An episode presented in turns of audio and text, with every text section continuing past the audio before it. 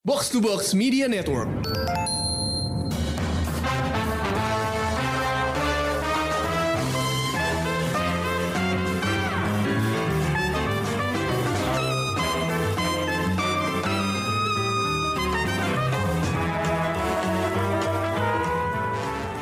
Halo pendengar Showbox, balik lagi bareng gue Amy dan kita telah tiba di episode terakhir Showbox Podcast tahun 2022. Uh, kayaknya kita nggak bakal sempet lagi nih buat kumpul-kumpul nge-review uh, film atau serial lain di tahun 2022 ini. Karena ya uh, mumpung uh, ada waktu nih kita rekamannya sehari dua kali gitu. Uh, ternyata akhir tahun ini kita cukup sibuk dan nggak tahu nanti bakal ada acara keluarga dan macem-macem. Jadi Uh, ini mungkin episode terakhir kita di tahun 2022. Nggak usah sedih, kita mesti tetap ada nah tahun depan 2023. Uh, tapi sebagai sebuah apa ya? Sebuah hadiah kali ya. Uh, kita bakal mem mempersembahkan film-film favorit serial-serial favorit Showbox di 2022 top 5 best movies of the year. Sebelum itu, uh, welcome Krisna, welcome Rengga di acara Best of 2022. Halo, halo. heboh deh, heboh. Nyampe juga ya akhirnya. Uh, kita setahunan ini cuap-cuap nge-review film akhirnya tiba juga di penghujung tahun dan pastinya lu udah pada nyiapin daftar film favorit dong. Sudah. Sudah, ya. Sudah, sudah. Oke, okay. ini kayaknya gue sebenarnya agak kekurangan satu anggota nih. Ulil sayangnya uh, belum bisa hadir. Sepertinya nanti Ulil bakal hadir kalau sempet. Tapi sepertinya dia masih di jalan, jadi nggak tahu juga nih bisa hadir apa nggak. Uh, karena dia nggak ada, gue pengen uh, buka kartunya Ulil untuk mengetahui film-film apa sih yang dia anggap top 5 movies 2022 versi Ulil. Nih, uh, gue kasih tau ya, versinya Ulil. Top 5 moviesnya, nomor satu Top Gun, uh, Maverick. Terus nomor dua Ngeri-Ngeri Sedap. Terus nomor tiga Broker. Nomor empat Emergency Declaration. Nomor lima Wakanda Forever. Ada nggak tuh yang sama sama lo? Uh, ada, ada, ada. Ada ya, ada. ada. Oke, Uh, oke kalau gitu kita langsung aja deh ke versi Krisna. Apa nih top 5 movies versi Krisna tahun 2022 nih? Eh, nah, yang nomor satu gue ada nih sama sama si Ulil. Oke. Kalau nomor satu Broker, Oke. terus kedua Decision to Live, Mm-mm. terus ketiga ada Everything Everywhere All at, All at Once, Aha. Terus yang yang keempat nih gue sebenarnya agak-agak ragu nih. Eh, itu tapi kan dirilis di sininya 2022 jadi kita anggap tahun film tahun ini aja kali ya. Oke, boleh. Nggak apa-apa. Nah, Drive My Car, Wow, oke. terus yang kelima RRR. Oh, RRR. oke itu good choice sih sebenarnya Chris. Hmm. Eh, nanti kita bahas lagi pil- eh, film-film pilihan Krisna. Sekarang gue mau tahu nih, top 5-nya Rengga apaan? Sebenarnya kalau Drive My Car dikeluarin tahun dihitungnya tahun ini itu bisa masuk list gua sih. ya udah, Bayar, kan kenapa nggak lo rilis- masukin aja? kan rilis ininya apa rilis secara luasnya kan di 2022 kan di Indonesia Baik. Jadi top 5 lo apa nih, Reng? Wah, ini mengubah konstelasi nih jadinya. Jujur aja nih ya, gue buka kartunya Rengga nih. Tadinya dia ngajuin cuma top 3 movies. Terus pas gue tanya kenapa, alasannya gue nggak banyak nonton film. tahun ini gue gak, gak, gak jarang banget gue ke bioskop. Cuma bisa kayak beberapa film-film pilihan doang gue bisa nonton gitu. Makanya gue coba bisa Naruto tiga yang menurut gue kayak bisa masuk. Cuma cuma itu doang nih kayak bisa masuk list film-film terbaik pilihan gue gitu. Jadi kalau Oh, ada ada Drive My Car itu bisa naik ke nomor dua sih. Nomor berapa? Oh, wow. Ayo Reng, se coba sebutin film-film favorit lo tahun ini. Top berapa lah? Top 4 deh, top 4 ya. Oke, top 4, top 4. Boleh, boleh, boleh, boleh. Top 4, nomor 4 itu RRR, Oke, nomor 3 itu Top Gun, oke. nomor 2 itu Drive My Car, Nomor Hmm. satunya Everything Everywhere All at Once. Ah, oke. Oh, lu nggak ada Marvel, Reng? Hah? Lu nggak ada Marvel sih? Oh, tahun ini, tahun ini apa sih Marvel? oh, gua- Spider-Man ya. Fan fanboy. Spider-Man ya? Sorry ya? Oh, Spider-Man sih? Do- ini Dok- Doctor Strange. Doctor Strange, Multiverse of Madness. Ah, busuk itu. Thor. Eh, iya Thor Love and Thunder. Iya, Thor Love and Thunder. Enggak juga. Eh, Wakanda. Enggak. Enggak, Oh, enggak enggak masuk juga. Marvel tahun ini. Astaga. Oke, gue gue rada sakit hati nih lo nyebut film nomor 4 gue. Ada film lu yang disebut. ya? Ada bilang, oh ada Doctor Strange lo ya? Ada Doctor Strange gue. Kalau versi Ini apa versi lu? versi gue nih eh, nomor satunya justru RRR. Karena gue nggak Oh. pernah lihat film yang seperti itu sebelumnya. Spektakuler. Spektakuler banget. Terus nomor dua Decision to Live sama kayak Krisna. Nomor tiga Everything Everywhere All at Once. Dan nomor empatnya Doctor Strange Multiverse of Madness. Hmm. Nah, film kelima tadinya gue menimbang-nimbang antara 645 atau Emergency Declaration. Terus gue pikir, ah, the Emergency Declaration tuh kayak terlalu serius gitu. Jadi akhirnya gue milih 645. Eh, nggak taunya si Ulil juga Ini milih kalau- Emergency Declaration. Kalau gue ditambahin dua lagi, dua itu bisa masuk juga sih di gue nih. Oh iya ya? 45 sama Emergency Declaration. Iya, tapi ini berarti kita film-filmnya nih, jujurnya ini bukan film-film mainstream loh. Iya, gue Maksudnya, agak kaget loh lu masukin Decision to Live. Kayaknya itu agak sebenarnya agak di luar selera lu gak sih? iya agak di luar selera gue sih. Hmm. Bener banget, agak di luar selera gue. Tapi entah kenapa eh begitu. Kalau gue ditanya film apa yang lo nikmatin tahun ini buat ditonton di bioskop, ini salah satunya. No, Jadi kayak apa ya? peng- mengejutkan. pengalaman nontonnya tuh masih membekas di gue. Jadi Ya, gue pilih setelah- film ini.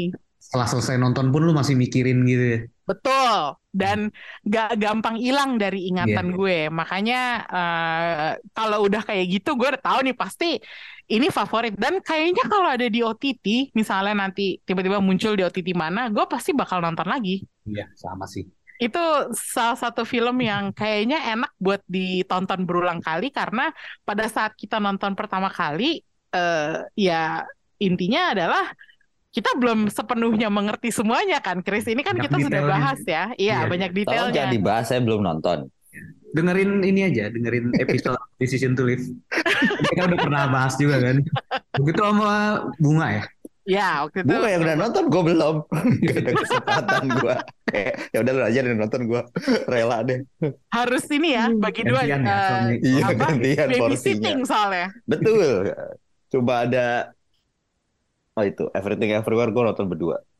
Nah, Everything Everywhere All at Once tuh Iya. jadi favorit kita bertiga dan kayaknya emang pantas ya film ini jadi best of uh, 2022-nya kita. Uh, mungkin Ulil enggak kali ya, mungkin Ulil karena nggak sempet nonton atau mungkin dia nonton dan kurang ngena di dia. Tapi film ini ajaib sih, kayak Gila sih. Iya kan? Kayak nggak nggak heran kalau eh, film ini tuh waktu itu hype-nya lumayan gede gitu. Lumayan, lumayan. Dan Rame juga yang nonton. ya betul. Eh, tapi nggak cuman film-film luar negeri aja ya yang pengen gue bahas. Kalau kita ngomongin film lokal, yang terbaik di 2022 tuh apa? Kalau Ulil gue, lo pasti udah tahu kan? Ngeri-ngeri sedap lah buat dia. Pendekatan kultural. Iya, waktu kita ngebahas ngeri-ngeri sedap, Ulil tuh sangat apa ya, terasa sangat eh, erat kaitan Iya. emosionalnya terhadap film ini. Mungkin secara kultur juga dekat sama Ulil gitu. Jadi nggak heran kalau dia milih ngeri-ngeri sedap. Nah kalau gue eh instead of film yang gimana banget, gue justru milih Sri Asih gitu. Nah, gimana kalau Rengga sama Krisna milihnya apa untuk film lokal? Gue tadinya ini sih, saya ngeri-ngeri sedap tuh bu- sebenarnya bukan cuman film untuk orang yang dekat secara kultural kayak Ulil gitu ya, maksudnya. Gue tuh tadinya meng, apa ya, sedikit menimang-nimang film ini sebagai film fa- Indonesia favorit gue gitu. Cuman akhirnya Ah. Gue lebih milih Nokta Merah Perkawinan sih. kan. Nah, iya itu juga agak mengejutkan gue sih, Chris. waktu waktu gue melihat daftar lo Hmm. dan lo tiba-tiba mencantumkan nama noktah merah perkawinan, Iya. gue nggak nyangka bahwa lo segitu sukanya sama film ini. Iya. Karena Krista sudah mengarungi bahtera pernikahan. Tapi gue nggak kayak di film tahun itu nih. Tapi pernikahan gue nggak kayak di film itu kok. Ya iya, tapi kan Iya, tapi itu sih maksudnya itu apa ya? eh, film yang menurut gue skripnya dan eksekusi dari aktornya tuh masuk apa pas banget gitu loh. Jadi akhirnya Hmm. jadi kekuatan utama filmnya gitu dan dengan cerita yang juga sebenarnya mungkin cukup dekat gitu ya, terutama buat orang-orang yang sudah menikah gitu. Hmm, Waktu itu kita waktu nge-review noktah merah perkawinan, perkawinan Krisna lumayan banyak dibahas ya, Chris. Iya. sebagai contoh apa dibandingkan dengan pernikahan yang terlihat di filmnya Iya. ternyata pernikahan Krisna jauh lebih sehat Ya, so, ya alhamdulillah. oke Eh, kalau Rengga film lokal favorit aduh apa ya? Seperti yang sudah saya sebut- sebutkan tadi gitu. Hmm. Gue nggak banyak nonton film Indo karena apa ya pilih-pilih banget gue buat nonton ke bioskop kan. Tapi salah satu Hmm. yang gue tonton eh, tahun ini ya salah satunya Sri Asih film Hmm. lokal yang gue tonton dan itu cukup mengejutkan karena ternyata lebih menurut gue ya versi gue itu ada beberapa aspek yang lebih bagus dari eh, Gundala gitu yang mana itu satu universe kan Hmm. dan Hmm. itu kayak apa ya satu langkah maju untuk inilah perfilman Indonesia Untuk Bumi Langitnya Hmm. juga kali ya. bumi langitnya juga uh, pokoknya kayak nih oke nih gitu ini kayak positif banget nih Sri Asih nih walaupun secara box office Iya. kurang bagus ya Kayak Hmm. momentumnya kurang pas ya. iya momen banget sih nih kehilangan banget momen dia sayang banget Hmm. tapi sebagai sebuah film lokal superhero ini bagus banget si Sri Asih dan Dari- gak cuman nggak Ya. cuman lebih bagus dari Gundala ya Reng. Kita waktu itu udah Hmm. setuju dia lebih bagus daripada Wonder Woman. Oh iya betul. Pastinya Pevita Karena Pierce nomor satu. Pevita Pierce Melebihi nomor Gal satu. Gadot. lebih uh, melebihi Gal Gadot. Dan betul apalagi Gal Gadot dipecat sekarang kan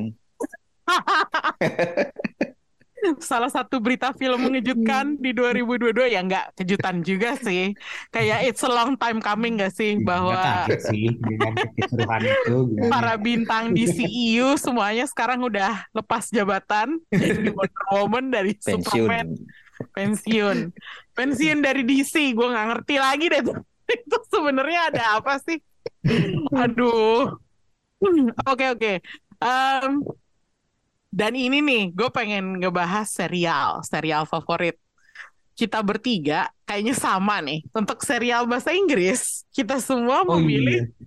memilih Andor Belum. Andor Yang baru belum lama ya kita bahas juga. belum lama kita bahas juga tapi udah jadi favorit Iya. Tapi emang nggak bisa disangkal sih. Ini the best series 2022 buat gue. Karena setiap episodenya nggak pernah mengecewakan. Iya Ya, setiap episodenya cliffhanger Iya, itu dia. Dan iya, kayak kita bahas juga kan dia ada apa ya, beberapa arc gede-nya gitu yang bikin jadi jadi nggak dragging gitu kan. Nah, itu dia. Kayaknya kalau tahun depan gue nggak nemu serial kayak Andor lagi, gue, aduh gue nggak tahu deh. Gue masih mau nonton serial-serial berbahasa Inggris atau enggak. Karena ini ini set the bar cukup tinggi ya. betul Kayak- iya Iya. iya iya iya setuju nggak sih? Tapi setuju untuk Star Wars. setuju Nah, itu dia, itu Setuju, apalagi ha. Star Wars gitu kan. Karena Iya. kita selama ini eh, kebiasaan nonton Star Wars ya yang gitu-gitu aja gitu. Hmm. Tapi tiba-tiba dapet Andor, wah langsung ini ekspektasi beban sih melambung. buat buat buat Mando beban banget nih Oh ya, beban ya menurut lo. iya beban sih buat Mando Biasanya dia Buat sebelumnya dia enak ya jadi kayak wah serial terbaiknya Star Wars tiba-tiba ditumbangkan oleh Andor. sama karakter yang ujung-ujungnya mati tragis. iya udah tahu. Enggak enggak tragis itu Mi, itu heroik. kan gue udah bilang itu matinya membahagiakan Oh my god. luka sama Erso oh my god di pantai lagi aduh kurang bahagia apa Andor Ya itu bahagia sih, bahagia sih. Oke lah, nggak apa-apa lah. Boleh boleh. Jadi Andor sebenarnya tadinya gue pengen masukin The Sandman, cuman setelah nonton Andor, gimana pun juga Andor tuh lebih superior karena setiap episodenya tuh tadi yang seperti yang tadi gue bilang itu tuh entertaining, uh, berisi dan bikin penasaran. Sementara Ya. kalau Sandman beberapa episodenya ada yang ada yang Lemah, tinggi, lemah. ada yang lemah gitu, ada yang jadi terlalu apa ya fluktuatif kalau menurut gue. Jadi akhirnya gue lebih memilih Andor daripada Sandman untuk sebagai eh, serial bahasa Inggris favorit. Ya. Nah, nah sekarang yang pengen gue tanya serial non bahasa Inggris favorit. Gua- Kalau Rengga gue kayaknya nggak usah tanya deh, kayaknya dia nggak nonton serial lain selain serial berbahasa Inggris deh. Dengan nonton drakor. Saya bukan nonton drakor, jadi saya pas. Ya, oke. Ya kan other language bukan drakor doang sih kan. Ya ini sinetron bahasa Jawa gimana bisa? Ah, lo nonton apa tuh Reng? Enggak. Enggak, enggak. sinetron bahasa Jawa. Gue kaget kalau beneran ada. Dan apa namanya lo nonton juga. Eh, Oke, gue buka dulu ya punya Ulil. Eh, soalnya gue nggak nyangka bakal nemu judul ini. Tapi Iya. eh, ini judul yang lumayan bikin gue excited sih waktu gue baca. Eh, Ulil suka serial Spy eh, Family sebagai serial favorit bahasa lain. Oh ya, Dan- dia nonton itu. Iya, Spy Family. Gue juga suka sih, suka banget sama Spy Family. Kalau di drakor nggak banyak judul bagus, gue mungkin bah bahkan bisa milih judul ini. Sayangnya, karena gue banyak banget nonton drakor, jadi mau nggak mau drakornya yang lebih eh, keluar gitu. Tapi Spy Family itu judul bagus. Lu ada yang nonton gak sih? Gue Gua nonton sih. nonton sih. Ya, nonton juga Tapi ya. nggak rutin, tapi ya kadang-kadang nonton. Eh, bagus sih. Bagus Oh. sih. maksudnya. Tapi gue tipikal orang yang ketika lebih suka membaca mangganya sih daripada nonton animenya ya. Oh, kalau dibandingin sama mangganya gimana sih, Reng? Eh, bagus. Itu ini adaptasi yang bagus sih sebenarnya. Oh, Maksudnya oke. dari kelu- kelucuan di mangganya tuh tercermin di animenya gitu. Hmm. Jadi ya on par lah sama anime sama mangganya gitu. Bagus. eh, konsepnya Spy Family juga tuh agak unik ya menurut gue Betul. karena eh, ya kita udah ini kan seperti keluarganya Black Widow ya di film Black Widow kayak lo disatukan demi sebuah misi untuk jadi keluarga gitu. Tapi di sini Spy Family eh, mereka sama-sama nggak ada yang tahu yang yang satu sama lainnya punya kayak tanda kutip kekuatan gitu. Jadi gue cukup cukup entertain sih waktu nonton uh, Spy Family. Oh kalau gitu saya mau masukkan sesuatu deh. Cek. Apa tuh? Tiba-tiba. Lo sih kebiasaan ya, harus dipancing Anak dulu, impulsif, anak impulsif. harus dipancing dulu baru bisa masukin judul. Oke, apa tuh? Eh kalau gitu gue masukin Chainsaw Man deh. Gue udah Walaupun baru berapa episode ya, tapi gue eh, balik lagi seperti yang gue bilang, gue kalau ada adaptasi anime dari manga, gue Hmm. bakal lebih milih baca mangganya gitu dan menurut gue kayak anime apa namanya adaptasi ani- anime dari manga tuh kayak ah pasti bagusan mangganya lah gitu. Pasti ada filler yang mengganggu. Iya ada kayak apa sih filler nggak penting kalau nggak eh, adaptasinya kurang bagus lah gitu. Gambarnya inferior. Betul, gambarnya tiba-tiba apa sih gambarnya Wah. jelek banget gitu kan. Elitis banget. Ya ampun. Betul. Astaga. Tapi ya salah satu yang salah satu yang bagus tuh yaitu Spy Chainsaw Man Family oke gitu. sih. Terus Hmm. kemudian eh Chainsaw Man. Ini Hmm. menurut gua apa ya? Bagus banget sih ini adaptasinya. Apalagi Oh. ternyata si si mangakanya si Tatsuki Fujimoto Hmm? itu dia supervisi langsung si animenya ini kan. Ah. Dan si Tatsuki Fujimoto ini dia itu eh apa ya? Bisa dibilang pecinta film juga gitu. Ah, jadi Dia suka dia banget nonton. Dia gitu. ngerti ngerti directing lah ya. Ngerti directing. Bahkan openingnya, openingnya itu banyak banget reference dari film-film favorit si Fujimoto ini. Dia bikin Ah. storyboardnya khusus. Gue mau openingnya kayak gini gitu. Ah, menarik Kalau lu- juga nih. Kalau di breakdown satu-satu itu banyak banget reference dari eh, film-film favoritnya dia gitu. Makanya Hmm. begitu gue nonton kayak wah keren nih. Makanya gue jadi rutin Studionya apa ya? rutin Chainsaw Man tiap minggu. Studionya apa ya, Ren? Mapa, Mapa. Apa ya? Oh, iya. Mapa. Mapa. Budgetnya dia lumayan gede juga untuk Chainsaw Man ini kan. Iya. Hmm, Yalah Oke. orang di ini kan maksudnya mangganya lagi ini juga kan lagi ngetop-ngetopnya. Lagi naik daun. hmm. Hmm. Oke, oke. Tuh keluar tuh judulnya. Bisa. Oke, ini ada eh, dua anime sama kita harus ng- ngimbangin nih Chris, harus pakai Oh, iya. drakor nih. Ayo apa drakor Kalau favorit lo gue sih, ya kayak udah beberapa kali sering keluar juga dari mulut gue di episode-episode sebelumnya. Ah, Dan ini emang gue suka banget sih sama My Liberation Notes. Itu menurut gue lumayan superior sih dibanding drakor-drakor lainnya, terutama di genre yang di genre yang drama gitu ya. hmm, Ya itu sih pilihan gue. Kayak My Liberation Notes. ya My Liberation Notes kayak eh apa ya kayak berasa relate banget sih dengan kehidupan orang di kota yang orang biasa kantoran gitu yang rumahnya agak jauh di pinggiran tuh Hmm, itu relate banget sih sama ini apa insecure insecure dari karakternya segala macem pikir apa eh, overthinkingnya segala macem tuh ini sih. Dan setiap episode tuh rasanya kayak kayak di di apa ya di diingetin akan realita walaupun nggak enak tapi karena atmosfernya yang sendu dan sin, apa ya gambar yang- apa sinematografi yang cakep jadi jadi Hmm. tetap terasa nyantai walaupun anjing iya lagi bener gitu Iya iya. Eh, Krisna udah berkali-kali nyebutin My Liberation Notes setiap kali kita nge-review drakor ya. Uh, dan judul yang bakalan gue ajuin sebagai favorit gue juga udah berapa kali keluar dari mulut gue pernah kita yaitu pernah kita ini juga lah ya. Ya kita pernah review drakor ini. Uh, drakor favorit gue tahun ini adalah Through the Darkness. Tadinya tayang di View sekarang udah muncul di Netflix. Jadi gue baru aja menyelesaikan rewatch gue. Jadi dengan gambar yang eh, lebih oke ya? Ya, dengan gambar yang lebih oke dan subtitle yang lebih jelas. Kayak ternyata uh, banyak adegan yang waktu gue nonton di uh, View itu mungkin karena terlalu gelap atau gimana, kayak gue miss gitu. lewat Hmm. Ternyata waktu gue nonton di Netflix, oh ternyata lebih jelas dan konteksnya gue lebih ngerti. Mungkin juga karena subtitlenya juga lebih apa ya, lebih on point gitu. Makanya gue jadi, oh ceritanya lebih masuk di gue sekarang. Dan setelah gue nonton 12 episodenya lagi si Through the Darkness ini, entah kenapa gue udah kangen gitu. Gue tiba-tiba pengen pengen nonton lagi. Padahal ya cuman 12 episode kan. Ceritanya juga ya itu ah, serial killers Korea di Hmm. awal tahun 2000-an.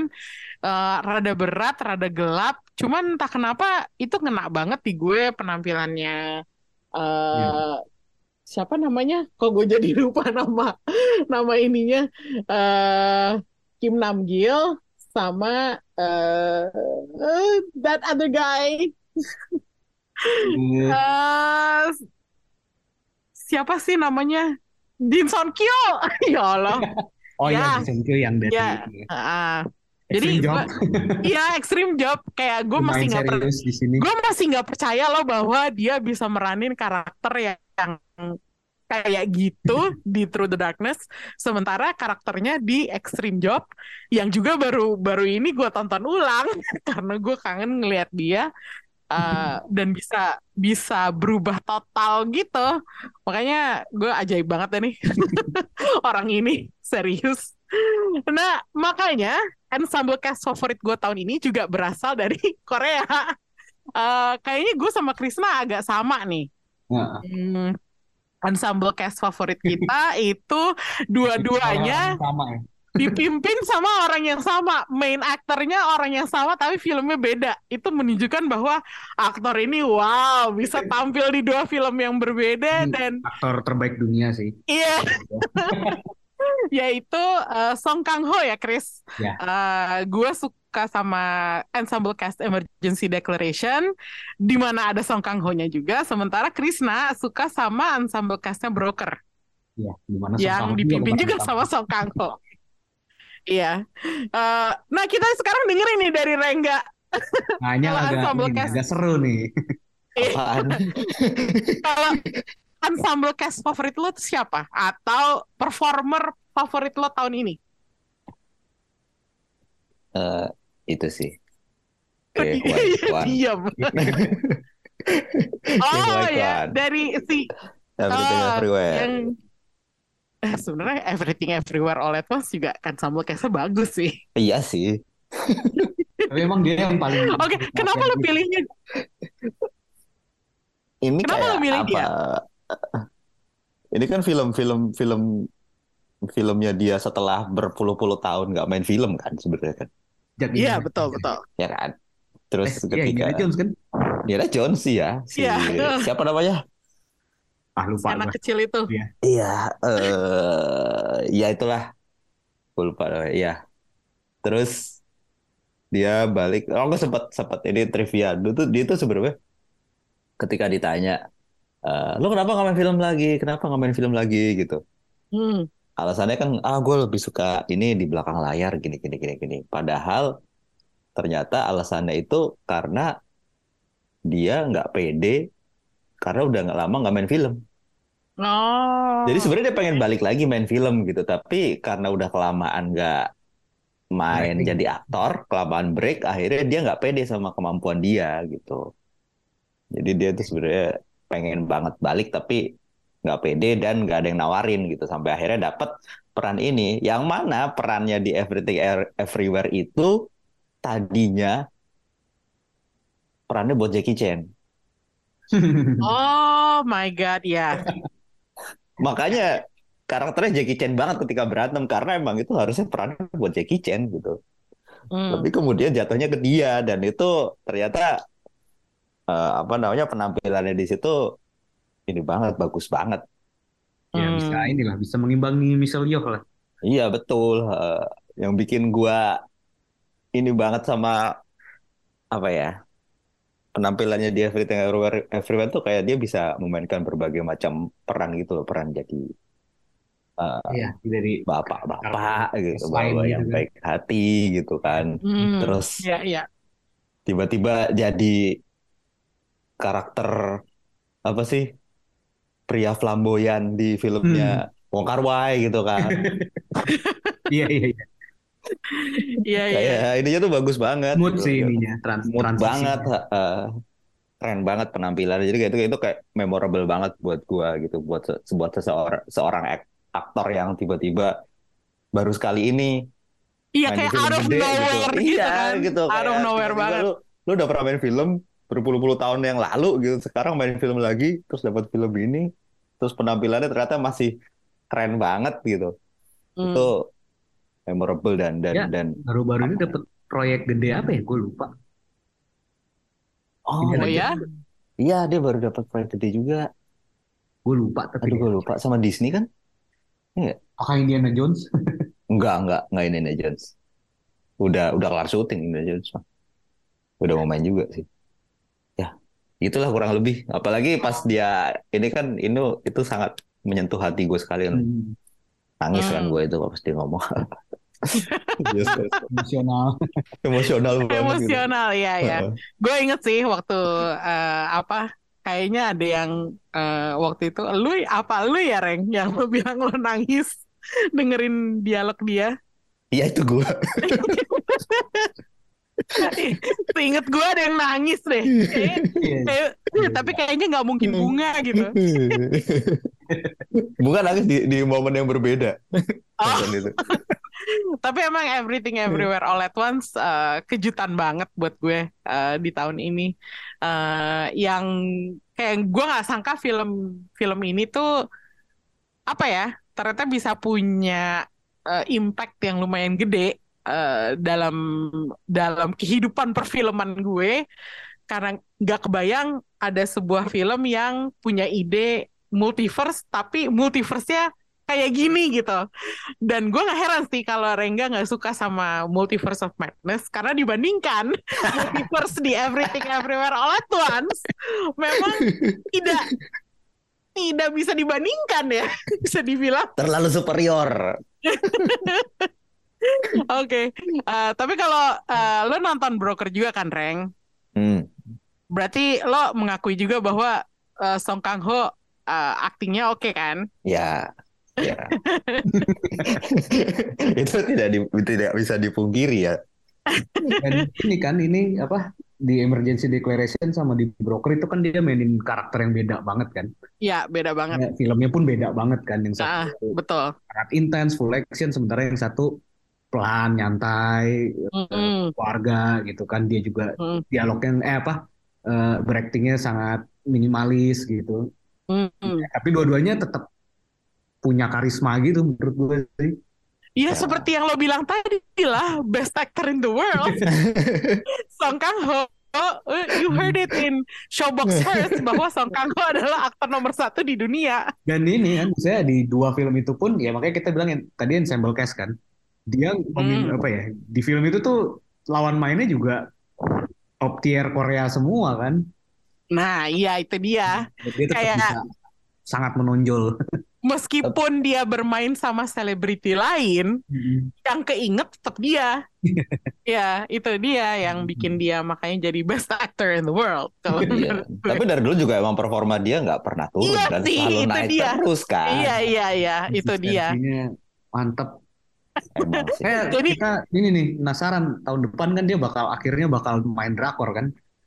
Oh ya, ya drakor yang apa judulnya? Lo bilang ang. Uncle something. Iya iya iya. Ada Nah, itu eh, sudah pasti kita akan membahasnya di sebuah episode Korea Vakansa tahun Semoga 2023. ada ini ya di salah satu TT di Indonesia masuk lah ya. Harusnya Kayaknya masuk, nggak mungkin sih nggak masuk. Kalau nggak yang ono, yang ono juga pasti bisa gitu. Apa sih yang nggak bisa sekarang kalau di Indonesia? Oke, Banyak juga Uncle Samsik. Uncle Samsik. Yes. Oke, kita nantikan itu di tahun 2023 ya. Uh, nah, sekarang agak keluar jalur dikit. Gue pengen ngomongin favorite kostum sama favorite soundtrack. Punya nggak film yang atau serial yang kostumnya lo suka banget? Gue Ring of Power. Oh, wow. Kenapa? Karena bagus banget ya emang kostumnya. Buat gue ya Ah. pribadi. Eh, nggak cuma kostum ya, tapi eh, special effect dan ini ya, apa, makeup. Oh, creature Itu- design kah? Creature desainnya juga bagus. Hmm. Maksudnya itu itu sebagai sebagai serial eh, fantasi medieval itu Hmm. lengkap banget menurut gua. Dan dengan Hmm. dengan dengan budget bukan dengan budget ya, budgetnya pasti gila-gilaan sih setara film ya. Tapi untuk sebuah OTT dan serial itu keren banget gitu. Ring of Power Hmm. gitu. Cuma emang emang ya ada flow-nya lah, tapi dari segi teknis itu bagus banget Kalau Hmm, dari oke. gua. sisi kostum segala macam itu yang tadi lo bilang, menurut lo setara Lord of the Ring dulu gak? Itunya doang ya? Nggak, bukan secara keseluruhan. Iya, setara sih. Buat gue setara. Heeh, Hmm. heeh. Soalnya dari dari dari dari penggambaran dwarfnya sendiri itu yang paling paling apa ya? Bagus banget gitu. Dwarf, Nah, itu gua- gitu. Gue setuju sih penggambaran dwarf kayak di film-filmnya Peter Jackson yang tahun awal 2000-an itu itu masih eh, kurang modern kalau menurut gue. Di mana mereka digambarin semuanya sama.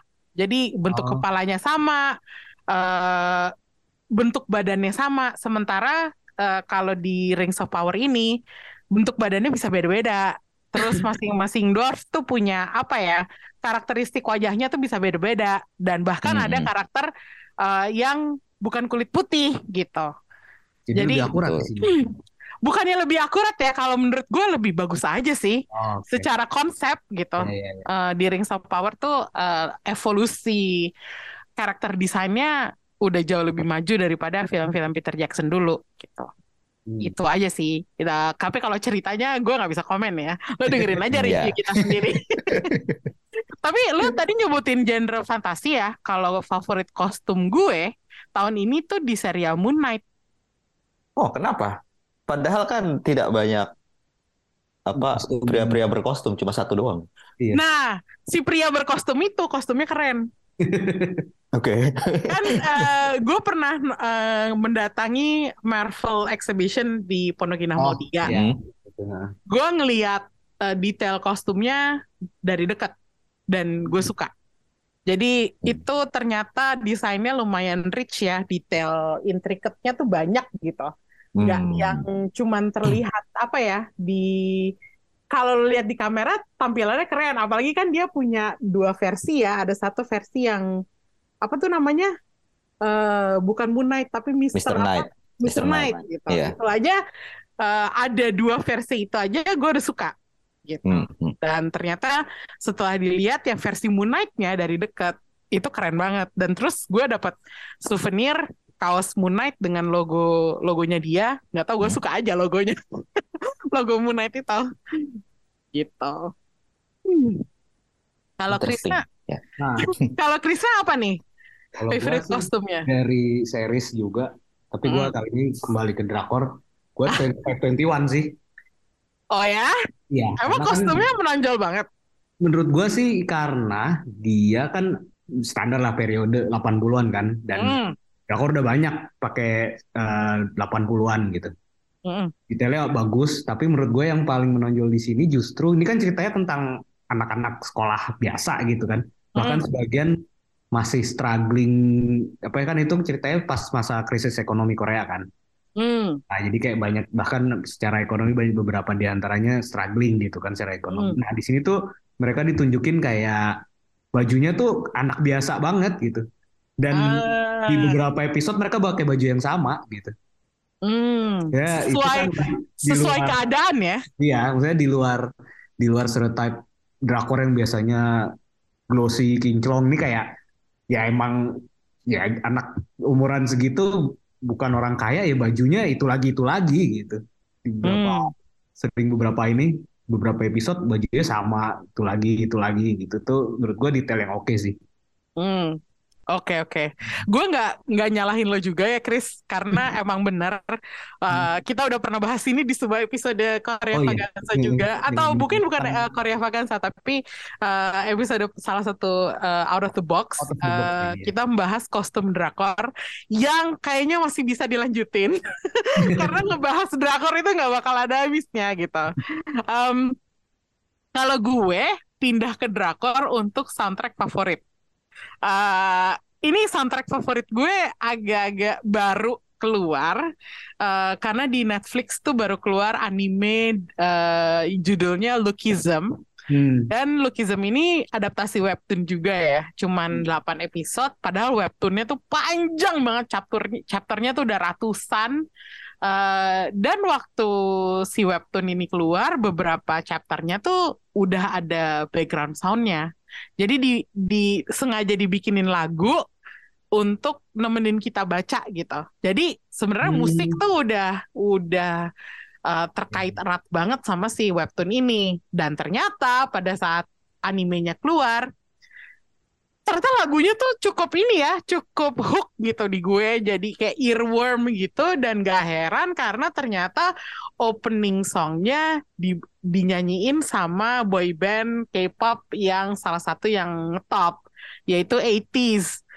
Eh, gue agak malu sih ngakuin ini karena gue suka sama lagu pop ini tapi juga di animenya itu ada eh, satu lagu yang dia memadukan nyanyian pop ballad dicampur sama rap dan ini eh, udah pernah ada versi webtoonnya dan sekarang versi animenya pun dibikinin rap sama ballad ini digabung Mirip jadi berarti ya? satu.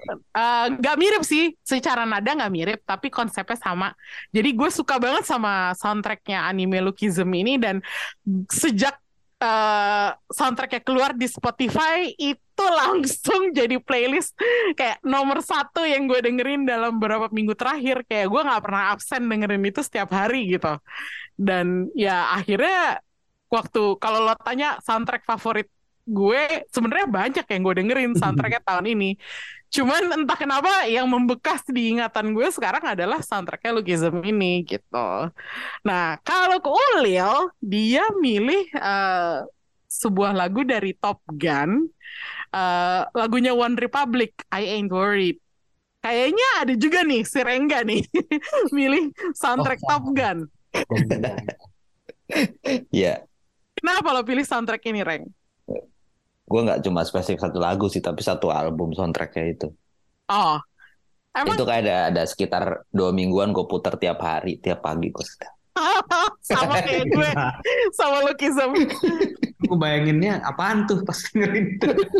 eh, lagu, lagunya nih banget kayak kayak empowering banget pagi-pagi asik. yang ini yang tenen Iya sih. Kalau itu kan ini banget kan, wah tiba-tiba langsung Bus. gitu deh. Kalau gue sih dengerin waktu itu yang Lady Gaga ya. Iya itu juga gitu. Makanya semuanya tuh kayak semuanya tuh ini banget kayak apa ya memberikan apa ya berenergi lah. Cukup berenergi. Energi di pagi hari. Lu langsung Iya. langsung ini lu semangat pagi dong lu. Yoi langsung jogging. Push up, Oh my. God. Beneran emang, push emang, up. emang, apa namanya eh feel-nya kan 80s banget kan ininya Hmm. dan Iya, gue lumayan, lumayan suka itu perbandingannya tuh dulu sama soundtracknya Drive buat gue gue suka banget Oh, Oh. Drive Ryan Gosling Oh, oke Iya. oke oke. Ya ya ya ya ya. Sebenarnya Top, top Top Gun tetap kerenan yang dulu ah kalau buat gue.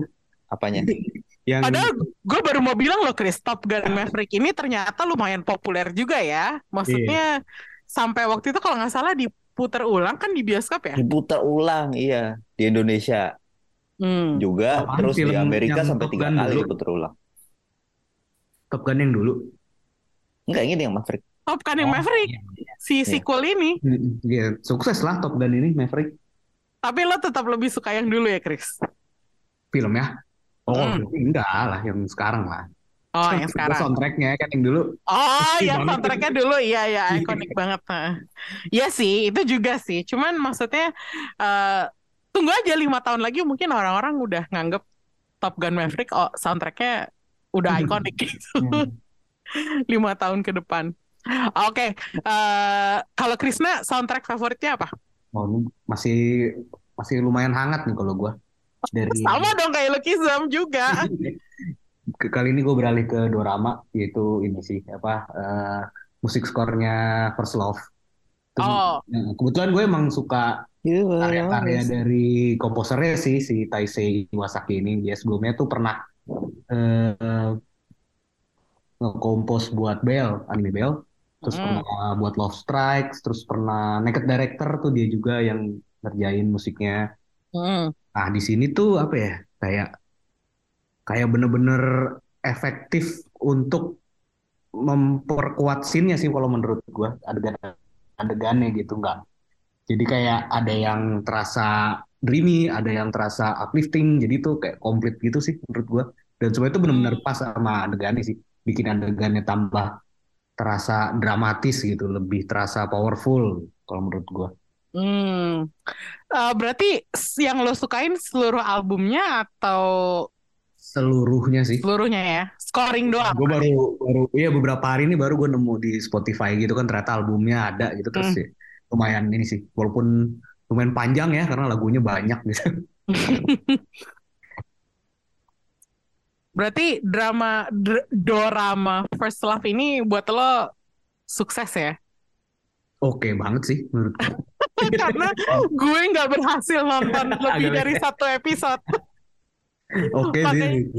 Makanya belum kita bahas karena eh, Amy dan Ulil belum berhasil nonton First Love. Padahal tadinya pengen kita bahas gitu, cuman akhirnya ya ntar aja deh gitu. Oke oke, Eh, ini kita eh, ke bahasan terakhir. Eh, selalu gue menanyakan ini ke orang-orang kalau kita ngebahas best of list tahun tersebut. Waktu di majalah juga gue eh, sempet bikin eh, tahunan eh, top favorite scenes atau moments dari film yang eh, apa namanya yang kita tonton di tahun itu gitu.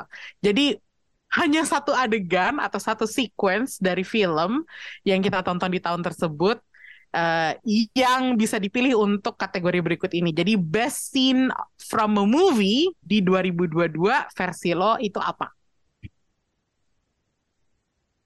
Kalau gue sih dari film favorit gue tahun ini kebetulan. Ya. Ah, jadi film itu jadi film favorit gue. Itu ada ini sih di Broker tuh ada adegan mereka kayak ke theme park gitu.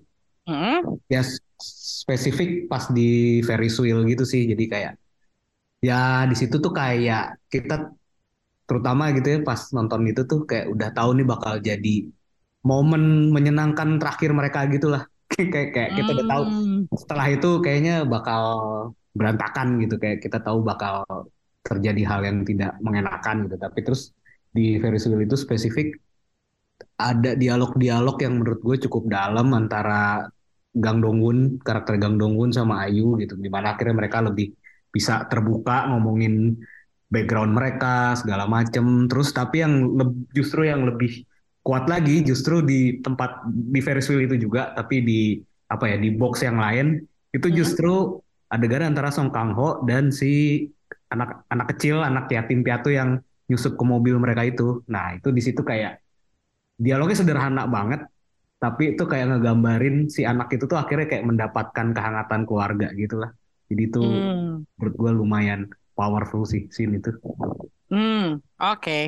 Eh, berarti dari film favorit lo ya, Broker ya. Mm. Oke. Kalau eh, Rengga apa Reng? Eh, adegan favorit? Batu ngobrol. Kayaknya adegan favorit lo juga dari film favorit lo tahun ini gak sih? Iya. heeh. mana lagi ada batu ngobrol Iya. selain di film itu Batu ngobrol itu langsung keinget gue. Adegan batu ngobrol pakai pernah. subtitle. Gue nggak pernah kayak apa ya membayangkan suatu hari gue bakal nonton ada di bioskop gitu ada batu ngobrol gitu itu kayak not in my wildest dream sih. Masanya ngobrol nggak sekedar ngobrol gitu lagi. Betul dan dan ngobrol itu asal absurd gitu kan. iya Ada makna Ngobrol. dalamnya gitu. betul maknanya dalam terus emosional gitu. Padahal cuma ngeliatin batu ngobrol gitu. Tapi sungguh emosional gitu bisa menguras emosi gitu kan kayak apa ini apa ini Absurd tapi absurd. indah. Iya. Ada maknanya gitu, nggak asal Dia aneh. dalam gitu, heeh. Nggak nggak cuma asal aja gitu loh. Walaupun mungkin bikinnya asal ya, tapi kayak Nggak lah itu. ya, itu di itu gua gua aja lagi mikir itu bikinnya apa di lokasi asli atau mereka Iya. bikin eksekusinya yang sederhana tapi miniatur. konsepnya dalam gitu. iya. Cuma kayak kayak apa sih gitu loh kayak kayak kayak kayak, kayak kalau lo pikirin tuh kayak idenya tuh nggak masuk akal banget gitu. Tapi begitu udah dieksekusi terus jadi lu tonton gitu kayak ini sungguh brilian sih. Kayak bahkan ketika menjadi batu pun mereka tetap punya koneksi gitu kan. Iya. Terus kejar-kejaran terus jatuh gitu kan kayak apaan gitu. Iya sih, itu adegan bagus juga sih. Eh. Kalau misalnya gue harus milih eh, adegan buat top 10 favorite scenes, itu adegan pasti masuk di daftar gue. Tapi sayangnya, Nomor dua gue sih. oh nomor dua lo ya. Kalau kalau gue juga eh, favorit adegan favorit gue datang dari film nomor satu gue tahun ini yaitu RRR. Eh, Itu ya. Macan ya. Itu nomor tiga gue ya. nomor Itu tiga. nomor dua gue sih. No- nomor satu gue tuh sebenarnya eh, ya banyak sih adegan di RRR yang memorable, tapi entah kenapa gue paling suka adegan eh, dansanya mereka si Oh, Iya. Rama Rao sama Natu-natu. Ram Charan waktu mereka nari yang bareng sama apa orang-orang satu pesta itu Orang Tapi- koloni. ya para para apa bule-bule itu Hmm. tapi mereka dansanya kan kayak agresif banget gitu sampai bikin orang capean sampai bikin para lelaki bule itu pengsan-pengsan gitu terus di diikutin dengan adegan mereka saling gendong-gendongan gue gak tau kenapa gue suka banget ngeliat mereka berdua gendong-gendongan Dan dramatisnya akhirnya ada yang ngalah. Iya. Itu bromance di situ. titik persahabatan mereka tuh Iya. dimulai di situ tuh. Ketika satu ngalah. Hmm, itu dia makanya gue mau tadinya gue mikir apa adegan itu pantas nggak ya jadi adegan favorit gue tapi ya udahlah Pantas. maksudnya itu ada film favorit gue banyak adegan yang gue suka jadi kenapa enggak gitu kan? Jadi ya udahlah itulah itulah pilihan gue mungkin agak aneh kali ya. Tapi gue nggak sangka loh sebuah film India eh, berbahasa Telugu itu bisa jadi film gue. Kayak bertahun-tahun gue bikin list film favorit Nggak pernah pernah ada film India. pertama buat gue juga pertama kali nih. Itu di luar teritori lo banget ya. Di luar teritori gue banget, Reng. Kayak lo ada nggak sih ngelihat gue nonton film India? Paling gue nonton film India tuh dulu pernah ada yang tentang atlet-atlet Oh, eh, bulat. gulat. Ini Eh, gulat ya. itu judulnya apa ya? Gue lupa Iya, bahkan gue lupa. sekarang. Tapi maksud gue meskipun gue suka sama film itu, gue nggak bilang itu nomor satu favorit gue di tahun tersebut. Tapi ini RRR itu jadi film favorit nomor satu gue dan gue denger ada sequelnya dan gue udah semangat banget nonton sequelnya. Gue nggak sabar nungguin sequelnya. Apa pun ceritanya gue bakal nonton sih. Intinya gitu. Eh, gue sangat berterima kasih sih sama OTT. Kalau gue juga kalau nggak gara-gara OTT, gue juga kayaknya nggak akan terpapar sama film ini sih. oh, gitu ya. Iya, ya maksudnya sama. Gue juga eh, bukan teritori gue film India gitu. Jadi kayak untuk mengeluarkan dia uang, kan. mengeluarkan uang di bioskop tuh kayaknya nggak gitu kalau gue. Cuman kan dengan adanya OTT jadi lebih gampang kayak, ah akhirnya gue tahu ternyata emang keren gitu. Hmm. Eh, lo sempet nonton film ini di bioskop gak sih, Reng? Gua itu pengen banget sebenarnya nonton film ini di bioskop ketika masih awal-awal keluar terus hype-nya Ah. udah sedikit naik kayak Hmm. Gue penasaran gitu. Sama seperti ketika ini kayak gue waktu dulu pengen nonton Azrak sebenarnya. Dibawa lagi gitu. Ya, ya, ya. Kayak hype-nya bagus terus gue liat trailer, wah ini kayaknya over the top banget nih gitu. Gue harus nonton gitu. Tapi ya karena satu dan lain hal gue keliwat aja gitu kan. Nah, anjing keliwat terus kayak eh, cukup kecewa sebenarnya gue nggak bisa nggak nggak ini bisa ya, periode nonton. ini juga kan periode PPKM Pak ini kan masih lumayan. Oh iya benar. Ya, kita masih PPKM pada saat itu. Betul. ha. Sampai akhirnya ada berita, wah masuk OTT nih, makanya gue nungguin banget tuh hari pertama. Hari pertama jam berapa tuh ya? Malam-malam gitu kayak, Bung kita harus nonton nih. Oke, nonton bareng lah hari, gue malam-malam. iya, sampai ini hari. Oke. Hari.